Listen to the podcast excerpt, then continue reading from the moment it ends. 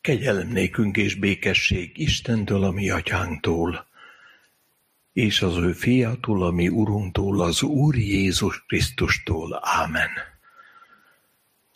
Olyan jó hallani, bár tudjuk. Ne félj, mert megváltottalak, neveden hívtalak téged. Enyém vagy. Ha folyókon mész át, azok el nem borítanak ha tűzön mégy át, nem égsz meg, mert én vagyok az Úr, a te Istened, Izraelnek szentje. Ámen. Csendesedjünk el és éljünk a csend lehetőségével.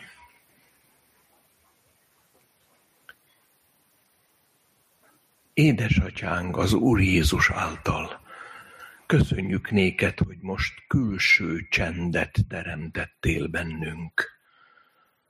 Annak érdekében, hogy a mi belső hangjainkat, zörejeinket meghalljuk. Megvalljuk néked, hogy most ebben a csendben hallhatóak a belső háborgásaink, elégedetlenségünk, haragunk, indulatunk, irítségünk. De olyan jó, hogy ebben a belső csendben hallható a hálaadásunk is. Hiszen amikor mi azt mondjuk, hogy vég, te azt mondod, hogy egy új kezdet. És mikor azt mondtuk, hogy halál, te azt mondod, hogy élet.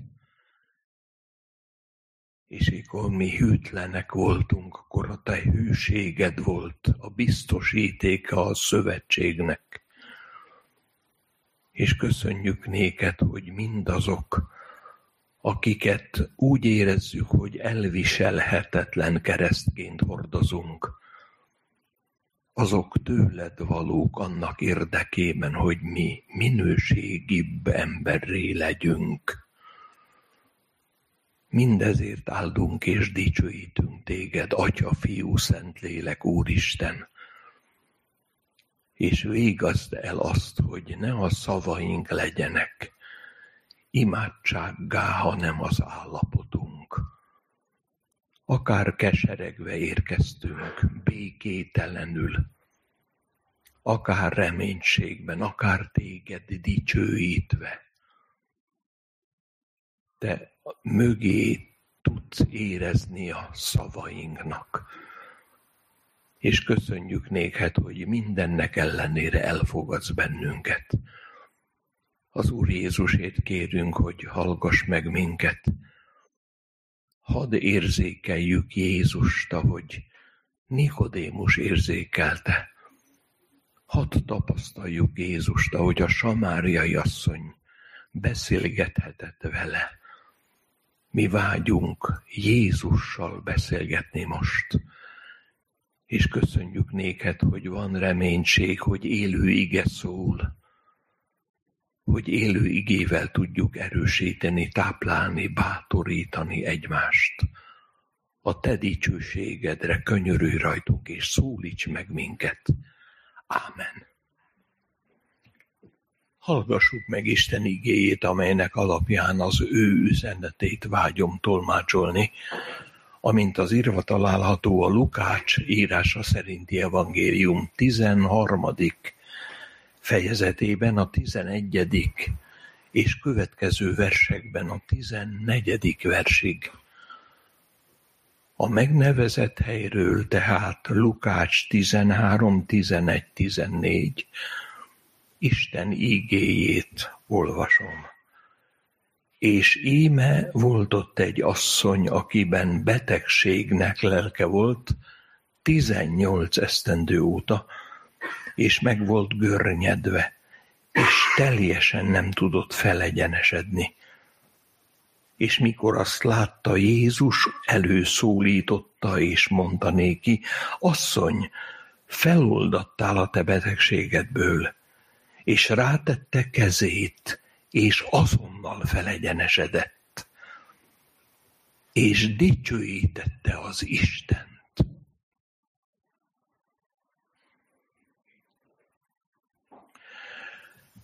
Kedves testvéreim, mikor olvasjuk ezt, hogy és volt ott egy asszony, aki 18 esztendő óta betegségnek lelkét, és egy nagyon súlyos gerincbetegséget hordozott, akkor eszünkbe jut a 12 éve vérfolyásos asszony. Aztán eszünkbe jut a 38 éve a Betesda partjánál fekvő, nem csak mozgássérült, de béna ember. És ahogy ezekre gondolunk, hajlamosak vagyunk kicsit érzéketlenül átsiklani e betegség történetek felett. Annál is inkább, mert ma már mintha túl lennénk ilyen hosszú betegség történeteken. Nagy valószínűséggel a modern orvostudományba vetett bizalom mondatja ki ezt velünk. Hiszen gondoljunk el, hogy az elmúlt 30-40 évben mintegy tíz évvel növekedett az ember átlag életkora. Gondoljunk arra, hogy a képalkotó média és a képalkotó diagnosztika a radiológia már látja a láthatatlant egészen sejtes szintig. És gondoljunk arra, hogy mire képes a mikrosebészet. Zseniális, hatalmas.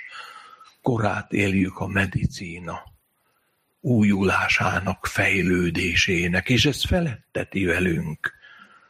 Hol vagyunk mi már attól, hogy valaki 18 meg 38 éven át beteg legyen. De ha most elkezdjük sorolni azokat a betegség történeteket, amelyek a mai posztmodern embert jellemzik, akkor rögtön alábbhagy bennünk ez az érzéketlenség. Gondoljunk arra, hogy vannak a várólisták, néhol két éven át kell várni egy ortopédiai sebészeti műtés elvégzésére. Gondoljunk arra, hogy jaj, amikor leáll az egyik vese, vagy mind a kettő. Gondoljunk arra, hogy jaj, az a rengeteg érrendszeri beteg, jaj, az a rengeteg ötven-ötvenöt éves korban elment ember, akkor azért egy kicsit másképp gondolkodunk, nem is beszélve az Alzheimer korról, nem is beszélve mindarról, ami az idős embert még fenyegetheti, akkor egy kicsit jobban odafigyelünk arra, hogy tizenkét éve, meg harmincnyolc éve. Mert vannak közöttünk tizenkét év óta betegségüket hordozók, és vannak évtizedeken át mozgássérültek, akik kért és akik érdekében az orvostudomány tehetetlen. Szeretném megjegyezni, hogy hálásak vagyunk azért, hogy éjjel az orvosaink ügyeltek, életet mentettek, élesztettek, és ezt nem szabad elfelejtenünk. Nem az orvosainkkal van a probléma, csak hálásak lehetünk értük. Ők Isten meghosszabbított kezei a gondviselés érdekében, de itt valami egészen másról van szó. Nagyon érdekesen mondta valaki, hogy az orvostudomány halad, az ember pedig marad. Sokszor gyógyíthatatlan betegen. És ebből adódik a kérdés, hogy vajon mit üzen ez a most felolvasott történet a tartósan betegeknek, mit üzen a tartósan betegek hozzátartozóinak? Mit akarhat Isten ezekkel az állandó tartós betegségben szenvedőkkel? És milyen perspektívája van ennek? Egyáltalán Jézus gyógyító hatalma ugyanúgy érzékelhető éma, mint amikor akkor érzékelhető volt. Szeretnék valamit nagyon halkan zárójelbe tenni. Isten nem minden betegséget akar meggyógyítani. Valamikor tartósan kell valahol betegnek lennünk, hogy így jöjjünk rá olyan dolgokra, amelyekre csak akkor jöhetünk rá, ha tartósan betegek vagyunk. Ezt szeretném leszögezni. De Jézusnak ma is van hatalma gyógyítani. És én ezért a következő pontokban szeretném elmondani mindazt, amit ebből az igéből számodra megértettem. Az első szeretnék szólni a bibliai diagnózisról. A másodikban a bibliai terápiáról. És a harmadikban a terápia gyümölcseiről. Az első a bibliai diagnózisról. És ha a bibliai diagnózisra és erre a nagyon súlyos gerincbeteg asszonyra gondolok, akkor itt két információt is közöl az írás erről a beteg asszonyról. Az egyik az, hogy ez ugye évtizedeken át egy súlyos lelki fájdalommal, így mondja, hogy a betegség lelke volt benne 18 éven át. És a másik információ pedig az, hogy meg volt görbülve, ami szinte magunk elé képzeljük. Néha látunk ilyet, hogy derékszögben volt képes csak mozogni. És ez a két információ felvet bennünk egy olyan kérdést, amely kérdésre az ige hirdetés keretei között lehetetlen válaszolni. És ez pedig az, hogy vajon melyik volt előbb?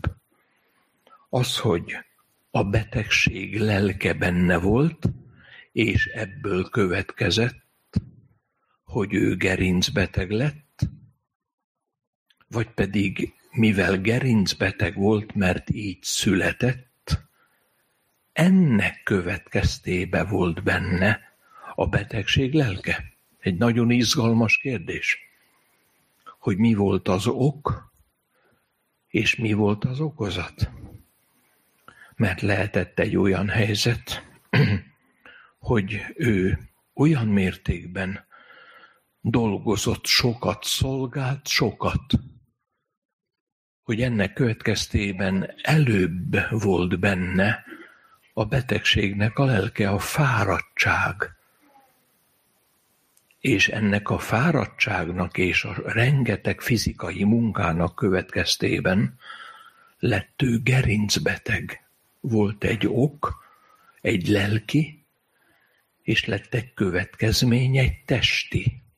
Vagy volt egy ok, egy testi, hogy ő ilyennek született, és ennek nyomán lett lelki beteg. Hallatlan, izgalmas kérdés. Ezt így is tudnám mondani, bár ebbe az irányba nem indulok el, hogy pszichés volt az ok, és szomatikus lett a következmény. Vagy szomatikus volt az ok, és pszichés lett a következmény. Ez egy olyan kérdés, amelyre egy igehirdetés keretei között nem lehet választ adni. Jó esetben egy nagyon belső négy szem közti beszélgetésben valakivel vagy valakikkel, vagy egy nagyon odafigyelő orvossal, ha van idő erre, akkor nagyjából ki lehet deríteni, hogy pszichoszomatikus vagy szomatopszichés beteg az ember. Láttam már olyat is, hogy valaki olyan mértékben a betegség lelkét hordozta, mert annyit dolgozott, hogy az áldozóból áldozat lett. Igen? És először lelkileg keseredett bele. És a lelki belekeseredés nyomán lett gerincbeteg.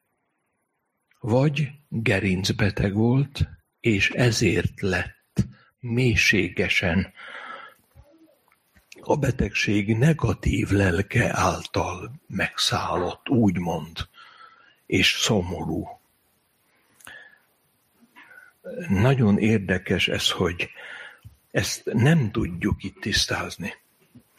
Lehetséges, hogy valaki, ha a saját belső szobájába bemegy és elmélyedik, hogy miért fáj nekem a gerincem, akkor lehet, hogy valamire rájön, hogy valami pszichés oka van ennek. Nagyon sokat áldoztam, és belefáradtam. Rájöhet erre, de ez egy belső beszélgetés Istennel. Ezt megfejteni nem tudjuk, hogy pszichoszomatikus vagy szomatopszichés. Egyet tudunk. Paracelsus mondja a 16. század egyik keresztény orvosa. Figyeljünk csak, ha bántva van a lélek, testben szenved az élet. Még egyszer mondom, ha bántva van a lélek, tehát a lélek fájdalma ok, akkor testben szenved az élet, és ez okozat. Nagyon jó ráérzett Paracelsus. De a Szentírás általános diagnózisa, hogy az ember, ha beteg, testestől, lelkestől beteg. Az egész ember beteg. Mert mindig az egész ember szenved. Gondoljuk csak el, hogy ez az asszony testestől, lelkestől szenvedett. Szenvedett, mert feltétlen lehetett egy önértékelési problémája hogy ki vagyok én és mit érek én ezzel a nyomorult testtel. Nem vagyok é kevesebb értékű, mint a többi ember, aki egyenesen jár. Gondoljuk el, hogy ennek az asszonynak gondja lehetett Istennel is, hogy Isten miért látogatott meg engem ezzel a betegséggel. És vajon mit tudok én tenni az én beteg, meggörbett testemmel? Kinek tudok hasznára lenni, és egyáltalán lehetek-é hasznára valakinek? Tehát akár társadalmilag, akár önmaga felé, akár Isten felé, akár az egész élet rendeltetését illetően tele van kérdéssel amelyekre szinte nincs válasz? E kérdéseknek a súlya önmagában teheti valakit lelkileg beteggé. Izgalmas kérdés. Ez az asszony testestől, lelkestől beteg? Arról nem is beszélve, hogy az Ótestamentum immár nem időszerű, nem mindig időszerű értelmezése szerint azt mondták az Ótestamentumban, hogy ahol betegség van, ott bűn van. A bűn az ok, a betegség az okozat. Ez különösen a vakokat érintette. A vakokat, akiknek az esetében mindig bűnt sejtett az akkori gondolkodás. Luther Márton azt mondta, hogy ha ez így lenne, mindjárt vakon születtünk volna. De ez egy nagyon súlyos helyzet. Ismétlen még egyszer, kapcsolataiban, Isten kapcsolatában, önmagához való viszonyában, a létének az értelmezését illetően, tele van megválaszolatlan kérdéssel. Ez önmagában lelki betegség, ha megválaszolatlan kérdések nehezednek ránk. És ez azt is jelenti, hogy ez egy rendkívül összetett probléma. Mély tiszteletem azok iránt, akik gyógyításra kaptak Istentől megbízást, és orvosként dolgoznak. De érezzük ugye, hogy az orvoslás és a, az orvostudomány kompetenciáját jóval meghaladó kérdések ezek, amelyek gyöktrik a beteg embert, amely kérdésekre nincsenek medicinális válaszok. Néhol még teológiailag is tépelődünk és bizonytalanok vagyunk. Ez a bibliai diagnózis, hogy mindig az egész ember beteg. Ennek a hátterében az van, hogy a Szentírás úgymond holisztikusan szemléli az embert, testestől, lelkestől.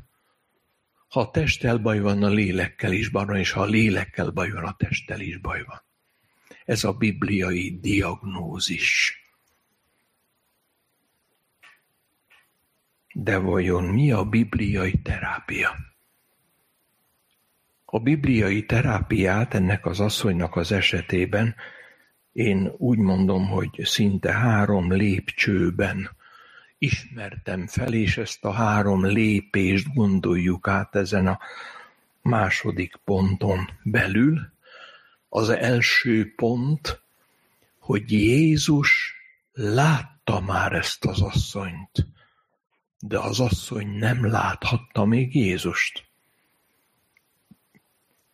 Jézus látta már ezt az asszonyt, írja is az írás, de az asszony nem láthatta Jézust, mert az asszony csak a földet nézte. Mert olyan mértékben volt derékszögben meggörbedve, hogy ő nem láthatott emberi arcokat, csak a földet. Ami azt jelenti, hogy Jézus előbb látta meg az asszony, mint az asszony majd később Jézust. És ez egy hallatlan dolog. Én ezt kibővítem, kitágítom, hogy Jézus előbb látott téged, mint hogy te Jézust érzékelhetted volna. Egészen fantasztikus, láttalak már téged, mikor a fügefa alatt voltál, de a fügefa alatt lévő leendő tanítvány nem látta még Jézust. Jézus meglátta a jerikói vakot, amikor a jerikói vak nem láthatta meg még Jézust. És ez egészen fantasztikus. Mindig megborzatok, amikor a Zsoltárok könyvéből ezt olvasom, amikor formáltattam a föld mélyében, mindezek a te könyvedbe már be voltak írva, ami annyit jelent, hogy Isten szeretet, kegyelem könyvében meg van írva az életünk.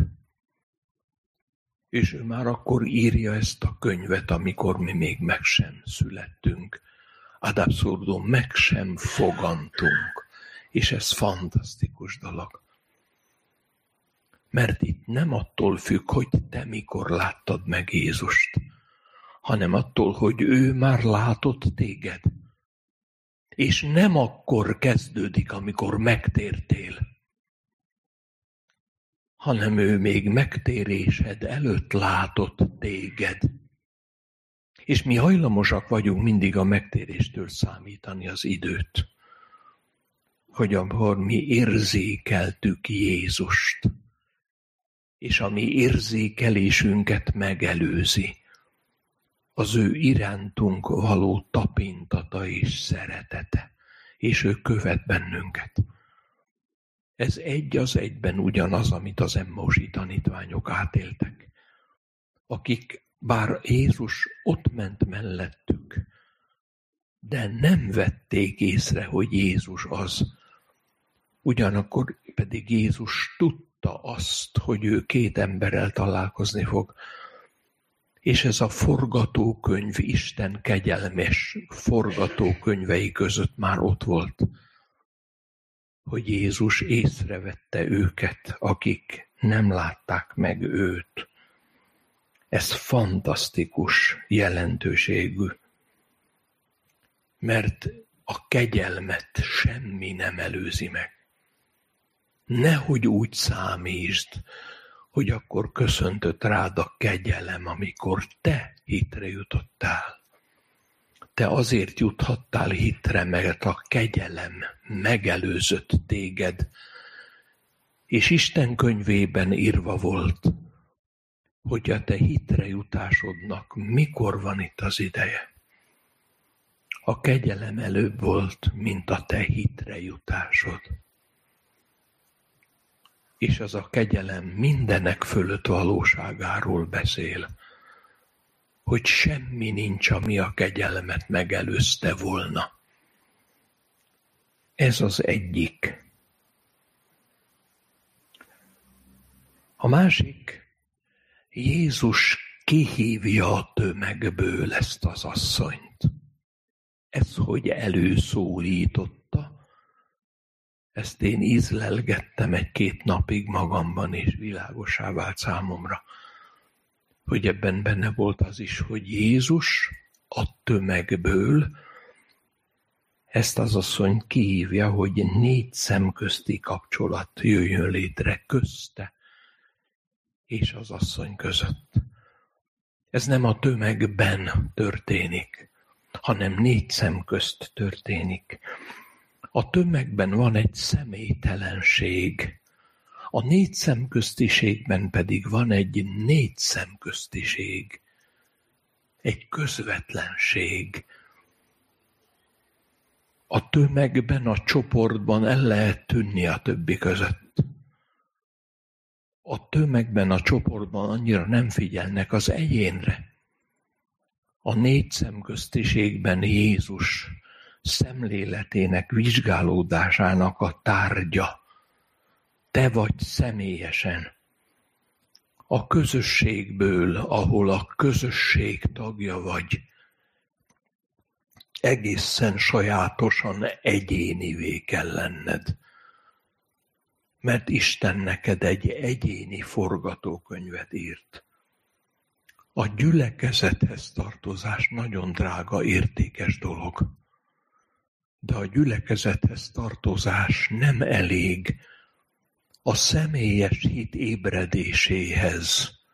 A személyes kapcsolat szükségeltetik Jézussal. És ezt én azért mondom, mert nagyon sokszor hajlamosak vagyunk elbújni a tömegben a másik mögé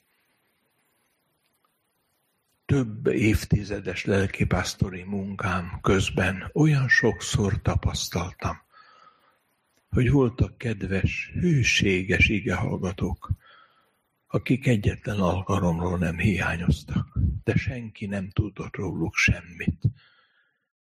Egy kicsit megbújtak a tömegben. Egy kicsit eltűntek, nem akartak előjönni Hadd legyek a tömeg egy része, hogy rejtőzködjem, bocsánat, akár az Úr elől is. Hadd legyek jó ige hallgató, de hadd ne legyek személyes átélője az élő Jézussal való találkozásnak. Nem akarok messze menni, de vannak gyülekezetek, amelyekhez való tartozás egy státuszszimbólum. Néhol, bocsánat, halkan, de azért avval dicsekszünk, hogy melyik gyülekezetbe járunk. És azt hisszük, hogy az adott gyülekezetbe való járás az egyet jelent avval, hogy mi legitímek lettünk immár Isten előtt is és velünk minden rendben van, mert abba a gyülekezetbe járunk, és azt az ige hirdetőt hallgatjuk. És közben nincs személyes kapcsolatunk az élő Jézussal. És értsük jól, nem a gyülekezetbe, úgymond a tömegbe kötök bele. És nem azt, hogy ne bújj meg a másik háta mögött. Nem, nem, nem, nem. Csak úgy kezdődhet, hogy te egyszer elkezdtél járni a gyülekezetbe. Jaj, de áldott dolog. De ebből a tömegélményből legyen egy személyes találkozás és személyes tapasztalás. Nem a gyülekezetbe járás a probléma. A személyes találkozást át nem élők gyülekezetbe járása egy izgalmas kérdés. Ő azt mondja, hogy ő ezt meg azt hallgat, és hát akkor rendben is kell, hogy legyél. Ebbe a gyülekezetbe jártam, akkor rendben kell, hogy légy. Hát ez nem így van. Ez nem így van. Mi ennek a megoldása? Az, hogy a gyülekezetbe járással kezdődik, és az élő Jézussal való négy szemköztiségben folytatódik. És utána leszel élő kő a gyülekezet közösségében, ha neked személyes megtapasztalásod van. Zárójelesen jegyzem, hogy sok a bujkáló ember, aki elbújik a tömegben, és azt hiszi, hogy minden rendben van. Kimondhatatlan fontos, előhívta, előszólította őt, mert Jézusnak személyesen van velünk kapcsolatban terve, gyógyítási stratégiája és terápiás szeretete. Csak négy szemköztiségben. Közte és köztem. Ha ez nincs, akkor vagy nagyon kedves igehallgató, de az életed még nincs megoldva. Ha az életed Jézusban megoldódik, nem biztos, hogy gyógyulsz húsz éves betegségedből, de az biztos, hogy más lesz a viszonyod a húsz éves betegségedhez. Mert megesik, hogy elfogadhatod Isten kezéből, hogy Istennek ebben is van valami célja kimondhatatlan fontos, hogy az extra csoportból, ami azt sejteti velem, hogy én jó helyen vagyok, légy jobb helyen, Jézus közelben, és akkor leszel még jobb helyen a gyülekezetben. Sőt, lehet, hogy akkor már nem is kell az extra gyülekezet, érted? Mert akkor te ott is világítasz, ahol sötét van. Mert rájössz arra, hogy ott van szükség fényre, ahol sötét van. A harmadik pontja Jézus gyógyítási, úgymond munkájának, hogy ekkor rátette a kezeit négy szem közt, és megérintette. Ez hallatlan izgalmas, mert nem hiszem, hogy ez az érintés Jézus részéről, ez csak azért volt, hogy ők négy szem közt legyenek. Valami más is lehetett itt. A Jézusnak négy szemköztiségben van személyes sugárzása és személyes hatása, ez a Jézusi személyes sugárzás bennünket mindig elerőtlenít. Mert az ő erejének a fényében, hatalmában én mindig gyengének érzem magam. És ez az én gyengeségem hallatlan fontos, hogy az ő ereje megmutatkozzék az én gyengeségem maximuma. Előhívja, előjön belőle az ő hatalmának, még a minimuma is elég ahhoz, hogy az ő hatalmának a minimuma hatalmasabb legyen, mint az én személyem erőtlenségének a maximuma. Talán ez a legnagyobb titok, hogy ez mikor történik, mert ez nem a lelki gondozótól és nem az orvostól, vagy nem a lelkipásztortól függ. Ez Isten forgatókönyvében van ez a pillanat megírva. Ez fantasztikus. Mindennek rendelt ideje van, emlékszünk? És az idő Isten kezében van. Ezért ne is erőltesd, hogy a másik minél előbb térjen meg. De ezt a kérdést ne tedd adakta. Ez rendelt idő. A rendelt időt csak úgy tudom megközelíteni, hogy az ő hatalmának a csodája eszembe juttatja az én tehetetlenségemet, és az én tehetetlenségem válik eszközzé az ő kezében arra, hogy a tehetetlenségemben engedjem, hogy átáradjon belőle számomra az ő gyógyító ereje és hatalma. Ez a legnagyobb titka ennek az egész történetnek. Egészen fantasztikus dolog ez. Ez az érintés. Nem tudjuk, hogy mely pillanatban. Mert amikor gyenge vagyok, akkor vagyok erős, mondja Pál. Ebben nincs időnk, hogy elmélyedjünk, de vannak betegségek, amelyeket Isten nem gyógyít meg. 2 Korintus 12, emlékszünk? Tövis adatot nékem a testembe a sátán angyala, háromszor kértem az urat, hogy vegy el tőlem. És az úr azt mondta, nem.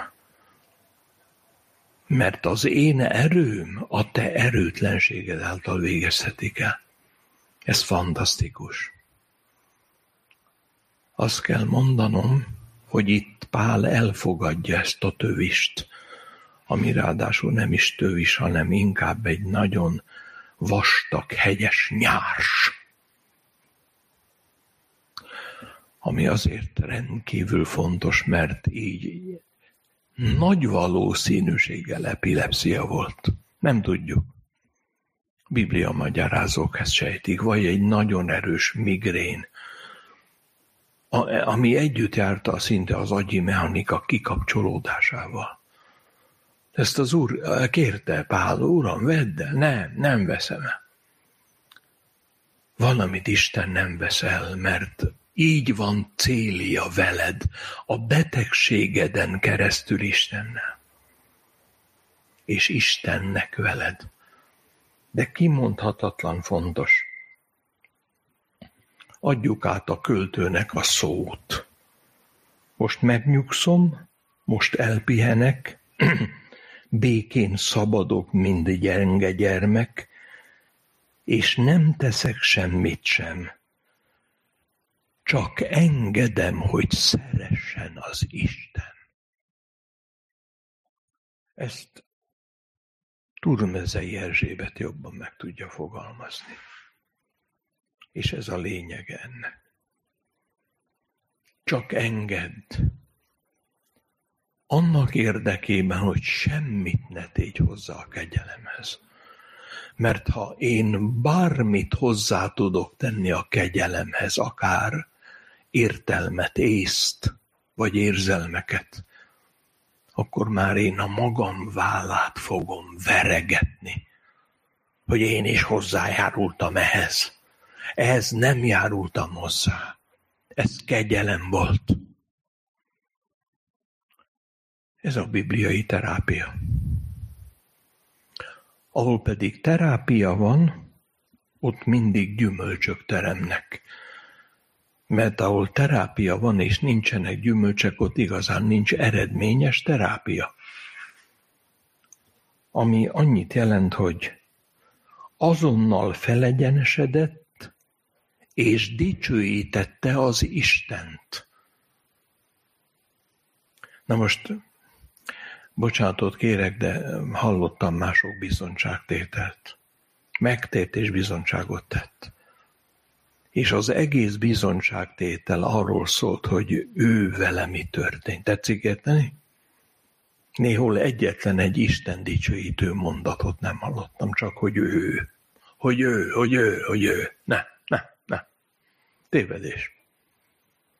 Ez nem a maga baját kezdte elmondani, hogy milyen beteg volt, meg ez ott, meg az ott. Néha a bizonyságtételeknek az a tételt, hogy mekkora mélységekből jött ő ki, és hogy ő milyen fertőbe járt benne. Ja, Egyébként a fertő se árt, mert onnan jön a kiemeltetés, nem ezzel ellen beszélek. De azonnal felegyenesedett, és dicsőítette az Istent. Nem azt mondta, hogy egyedül dicsőség nekem, hogy én ennyi mindenen mentem keresztül, hanem szolideu glória, egyedül Isteni a dicsőség. A másik gyümölcs, hogy ez az asszony mostantól fogva nem lefelé néz a földre, hanem felfelé és körbe, mert felegyenesedett. Amíg lefelé nézett a földre, neki mindig a föld jutott eszébe. És a földről meg mi jut eszünkbe? Az, hogy porból lettem, és porrá leszek. Aki csak a földet nézi, annak beszűkül a létezés a portól porig szintre. És akkor elkezdjük figyelni, hogy hány évesek vagyunk, és bizony hamarosan porrá leszek. Ez a lefelé néző embernek a drámája, aki csak lefelé tud nézni. Mert a por eszünkbe jutja, hogy honnan vétettünk, és hogy hova térünk vissza.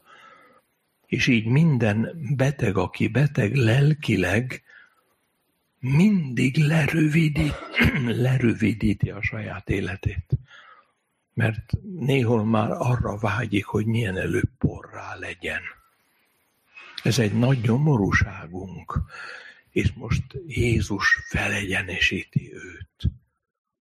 És ő most már nem a port nézi, amiből vétetett, és ahol visszatér, hanem Jézus nézi, aki nyomán kitágul a perspektíva, túl az időn, a téren és az anyagon, az örökké valóság felé.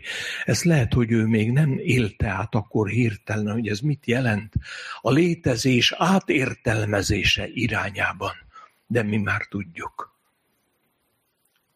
hogy mi a halál révén állunk, és mi áthajózunk. És a halál révén nem arra gondolunk, hogy porrá leszünk, bár az vele jár, hanem arra gondolunk, hogy a túlsó parton vár ránk ő, aki tükör által homályosan már itt érzékeltünk. Ez fantasztikus. Azt kell mondanom, hogy ez már nem az orvostudomány kompetenciája. Ez jó esetben teológiai kompetencia, hogy a létezést értelmezzük a perspektívikus örök élet irányába. És társakat talál, mert embereket lát. Eddig halálban gondolkodott, most pedig emberekben gondolkodik, embertársakban gondolkodik. Lehet, hogy most alakul ki egy baráti köre. Most lesznek testvérei, nem tudjuk, de ez így szokott lenni. Hogy aki nem csak fölfelé néz, hanem körbe is, mert lát az az embereket látja, és nem porban, hanem élő emberben gondolkodik. Azt mondja Pál, hogy jobb lenne már elköltöznöm, és a Krisztussal lennem. Mert ez sokkal inkább jobb, de etesben megmaradnom szükségesebb. Ti érettetek. Most már érettetek kell maradnom. És nem azon gondolkodom, hogy meghalok és por leszek újra És ezek új gyümölcsök. És megint adjuk át a szót a költőnek. Új gyümölcs terem, másoknak terem, érik csendesen erő, győzelem, ha nem teszek semmit sem, csak engedem, hogy szeressen az Isten. És ha beteg lennél, vagy beteg lennék, akkor fogom engedni, hogy szeressen az Isten. És akkor kezdek el örök élet irányában perspektívikusan gondolkodni, túl az időn, téren és anyagon. És ez hálára adjon okot nekünk, és ezért a hála legyen az utolsó szavam itt. Csak hálaadás lehet a dolgunk, úgyhogy csendesedjünk el és imádkozzunk. Urunk, köszönjük néked, hogy nem kérdezzük mikor, és nem kérdezzük, hogy meddig tart. És nem kérdezzük, hogy miért tetted. És azt sem kérdezzük, hogy miért adtad. Te tudod. És a te tudásod szeretetből fakad. És ezért nem kérdezzük. Csak hálát adunk.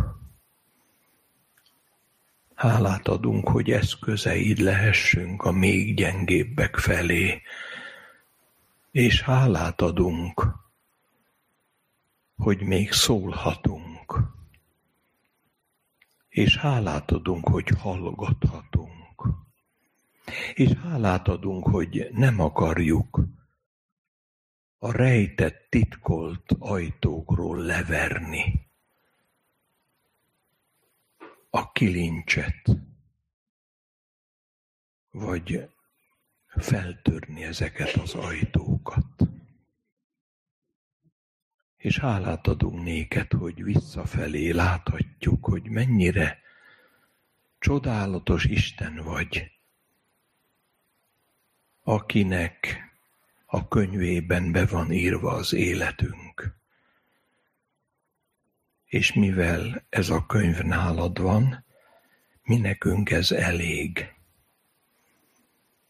Köszönjük néked a mellettünk élő embert, köszönjük néked a társunkat, köszönjük néked a családunkat, akkor is, hogyha perben vagyunk velük és köszönjük néked a ránk tett kereszteket, amelyek a mi jobbításunkat szolgálják.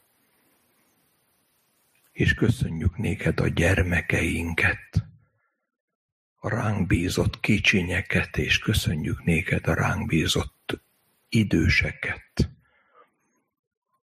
Tele van a szívünk hálával és köszönettel amely hála és köszönet oszlatja, mint a ködöt a szél, a kételjeinket és a szomorúságunkat az életünk évei miatt. Áldassék a Te neved, és dicsérünk Téged, Atya, Fiú, Szentlélek, Úristen, mind megváltó, mind teremtő, és mind megszentelő, a Te dicsőségedre Jézusért, és köszönjük néked, hogy fennhangon elmondhatjuk azt, amire te tanítottál bennünket fennállva. Mi, atyánk, aki a mennyekben vagy, szenteltessék meg a te neved, jöjjön el a te országod, legyen meg a te akaratod, mint a mennyben, úgy a földön is. Mindennapi kenyerünket add meg nékünk ma, és bocsásd meg védkeinket, miképpen mi is megbocsátunk az ellenünk védkezőknek. És ne vigy minket kísértésbe, de szabadíts meg a gonosztól, mert Téd az ország, a hatalom és a dicsőség mindörökké. Ámen.